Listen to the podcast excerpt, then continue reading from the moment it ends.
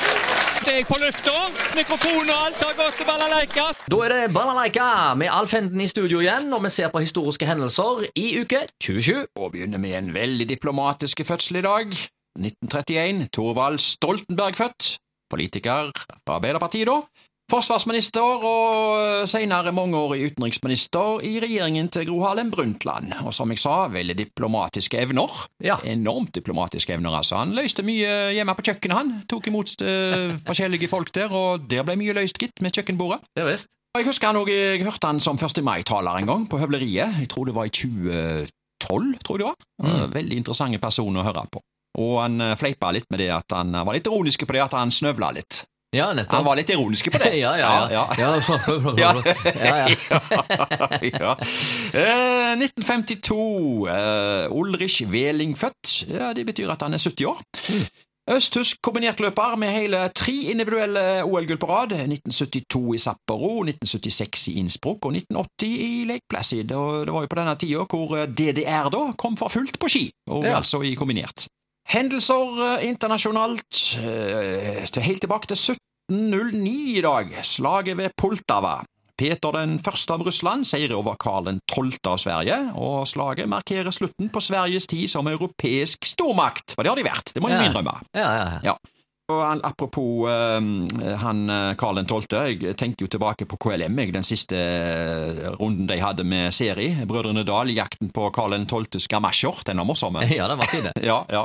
Vi holder oss til krig her, 1716. Den store nordiske krigen. Enda et nederlag, du, for Sverige. Eh, slaget i Dynekilen, som det ble kalt. En dansk-norsk sjøoffensiv vinner over en svenske flåte. Det gjelder jo å ha den beste på laget da, mot Sverige. Med- I fotballandskampene her nå tidligere i sommer så hadde vi jo Erling Braut Haaland. Mm. Og slaget i Dynekilen, der hadde vi jo selveste Peter Wessel, altså alias Tordenskjold.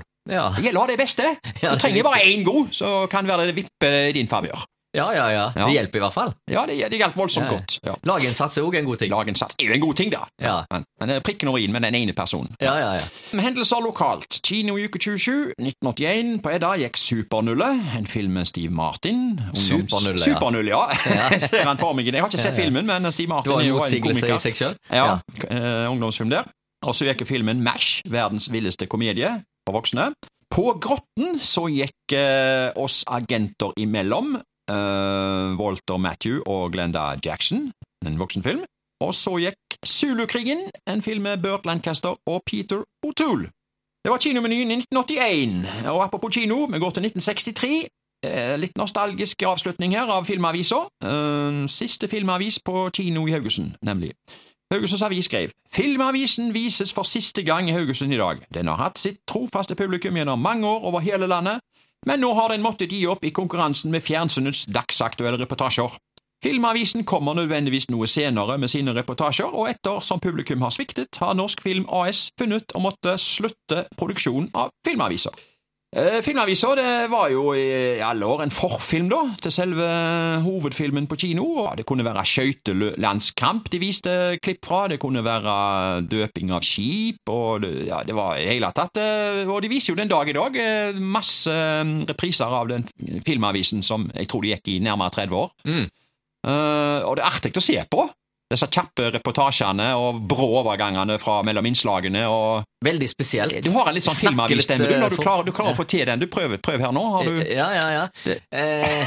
Sola skinner, gleden var stor da kongen kom til Bygdø. Og hei så det går, der er en liten tjokk. Ja, det er så, det er så herlig. Jeg ler, jeg ler den dag i dag. Eh, Ja, ja, ja. Det var liksom forløperen til Norge Rundt. Ja, Det var jo, altså, det var jo Norge Rundt. Ja. Det, det var veldig underholdende. Det Ja, var, det var det. Ja. Vi går til 1981, og nå må jeg over i agurknytt, vet du. Ja, ja, ja. Haugesunds Avis hadde et innslag her om torgrunden. På torgrunden vår i går kunne vi konstatere at de nye potetene fremdeles ikke var kommet, men nå er det like før, mente Einar Ebne fra Aksdal. Han regnet med å kunne tilby nye poteter fra lørdag, og prisen kom til å ligge på ca. fem kroner. Andre torgselgere sa at nye poteter kunne han ikke regne med før i slutten av måneden. Pris på store egg kroner 21, små egg 20. Ellers fant man i torgbodene et bra utvalg av alle slags grønnsaker, og det var også mye fine jordbær. Det er bra kvalitet på grønnsaken i år, men det går tregt med veksten, og nå venter vi bare på sola, sto det altså å lese i eh, Haugesunds Avis i 1981. Og da sjekka jeg litt på eh, prisene i avisa på den tida av agurken. Eh, Å, ja. Den var, ja, I 1981 så var eh, agurkprisen på torga 15 kroner kiloen. Ja. Og jeg som eh, agurknuttredaksjon, jeg var jo på Torgå jeg i 2022, altså nå i eh, denne uka her. Ja. Jeg så bare ett bord, Å ja. og de solgte ikke agurker. Å nei. Nei, det var ett bord som sto der, og så sto det en politibil litt forbi. Det har jo litt med tinghus å gjøre, og Ja, rettssaker ja, ja. sikkert. Så det var, det var liksom det som skjedde på Torgå. Og det, det var faktisk talt eh, likt hele uka, så jeg Så du eh, fikk ikke noen agurknyheter? jeg fikk ikke noe der, men da tenkte jeg da går jeg iallfall til en butikk som har grønnsaker stående utenfor. Ja. Og der, da endte jeg borti Haraldsgata, på Mixi Import Food.